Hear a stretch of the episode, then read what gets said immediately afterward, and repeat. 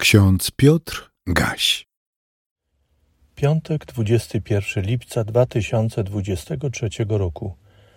W drugiej księdze Kronik, w piątym rozdziale, w wersetach od 13 do 14 czytamy: Gdy wzbił się głos trąb i cymbałów i innych instrumentów do wtóru pieśni pochwalnej dla Pana, że jest dobry i że na wieki trwa łaska Jego, świątynię Bożą napełniła chwała Pana.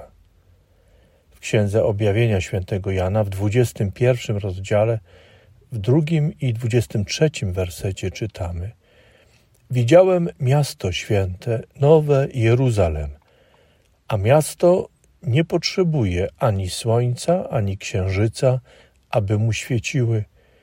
Oświetla je bowiem chwała Boża, a lampą jego jest baranek. Tajemniczo brzmi dzisiejsze hasło starotestamentowe. Przypomnę, w trakcie uroczystości wnoszenia skrzyni przymierza chórzyści i instrumentaliści pochodzący z plemienia Lewiego wykonywali pieśni chwały i dziękczynienia Panu. Grano na cymbałach, lutniach i cytrach, a siłę i bogactwo dźwięku wzmacniało 120 trębaczy. Wydawało się, że już nic nie może podnieść wyżej wzniosłości wydarzenia w świątyni. Tymczasem, jak czytamy w drugiej księdze kronik, obłok wypełnił świątynię tak, iż kapłani nie byli w stanie pełnić służby, gdyż świątynię napełniła chwała Boża.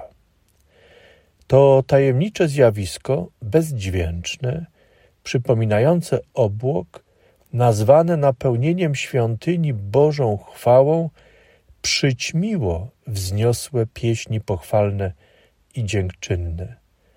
Wydarzenie upamiętniono w historycznym tekście z powodu obłoku i napełnienia świątyni chwałą Bożą – to było godne zauważenia ponad wszystko, także ponad cudowną muzykę i bogactwo wizualnej oprawy.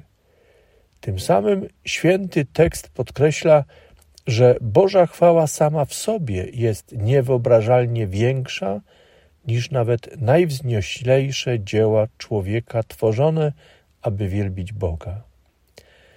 To nie człowiek czyni Boga wielkim – Bóg jest wielki sam w sobie. Czy oglądanie Bożej chwały jest jednoznaczne z oglądaniem oblicza Pana? Odpowiedź odnajdujemy między innymi w znanym tekście z Księgi Wyjścia 33 rozdziału.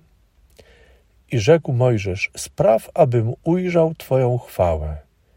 Pan odpowiedział: ja ukażę Ci mój majestat i ogłoszę przed Tobą imię Pana, gdyż ja wyświadczam łaskę komu chcę i miłosierdzie komu mi się podoba. I znowu rzekł, nie będziesz mógł oglądać mojego oblicza, gdyż żaden człowiek nie może oglądać mojego oblicza i pozostać przy życiu. I rzekł jeszcze Pan – Oto miejsce obok mnie, stań przy skale. Gdy przechodzić będzie moja chwała, postawię cię w rozpadlinie skały i położę rękę moją na tobie, aż przejdę. A gdy cofnę rękę, ujrzysz mnie z tyłu, lecz oblicza mojego tobie nie ukażę. Człowiek nie może oglądać oblicza Boga. Ta myśl została konsekwentnie wyrażona w tekstach Starego Testamentu. Natomiast chwałę Bożą można oglądać, jeśli Bóg zechce ją człowiekowi okazać. Gdzie zatem człowiek może i powinien szukać miejsc napełnionych Bożą chwałą? Natchnione pisma świadczą, że chwałę Boga głoszą Jego dzieła, podobnie jak wrażliwość, moc twórczą i mistrzostwo warsztatu artysty głoszą jego dzieła. W Nowym Testamencie została potwierdzona myśl starotestamentowa, że Boga nie można oglądać. natomiast Jego chwałę i wielkość można poznawać w Jego dziełach. W liście do Rzymian czytamy: Niewidzialna Jego istota, to jest wiekuista Jego moc i bóstwo, mogą być od stworzenia świata oglądane w dziełach i poznane umysłem. Jednocześnie zauważmy, że natchnione pisma świadczą, iż Bóg pozwala poznawać swoją chwałę najpełniej w dziele zbawienia świata. W Ewangelii według świętego Jana czytamy: Boga nikt nigdy nie widział, lecz jednorodzony Bóg, który jest na łonie Ojca, objawił go. Dalej w tej samej Ewangelii czytamy słowa Jezusa: Musi być wywyższony syn człowieczy, aby każdy, kto weń wierzy, nie zginął, ale miał żywot wieczny. Albowiem tak Bóg umiłował świat, że syna swego jednorodzonego dał, aby każdy, kto weń wierzy, nie zginął, ale miał żywot wieczny.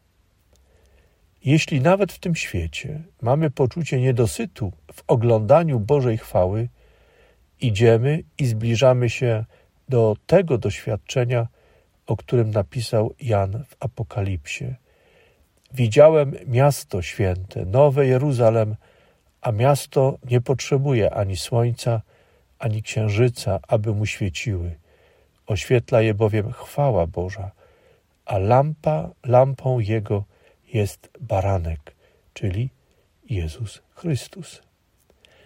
Kiedy staniemy po drugiej stronie przed Bogiem w blasku Jego chwały, wtedy wszelki niedosyt przeminie. Pytania będą bezprzedmiotowe. Staniemy przed ostateczną odpowiedzią, którą jest Bóg. W takich chwilach jak ta, wracam do wspaniałej pieśni księdza Johana Mencera. Znamy ją ze śpiewnika ewangelickiego pod tytułem Gdybym języków miał tysiące. Posłuchajmy wybranych zwrotek. Niech one będą też naszą modlitwą na zakończenie tego rozmyślania. Gdybym języków miał tysiące i ust tysiącem śpiewać mógł, to pienia w sercu mym płonące wznosiłbym aż pod niebios próg. Wyśpiewać bym to wszystko chciał, co Bóg mi w łasce wielkiej dał. Za słabe jednak moje siły i pieśni mojej braknie piór. Trzeba, by głosy swe złączyły stworzenia wszystkie w jeden chór. Niech śpiewa ze mną cały świat i chwałę, chwałę Bożą wielbi rad.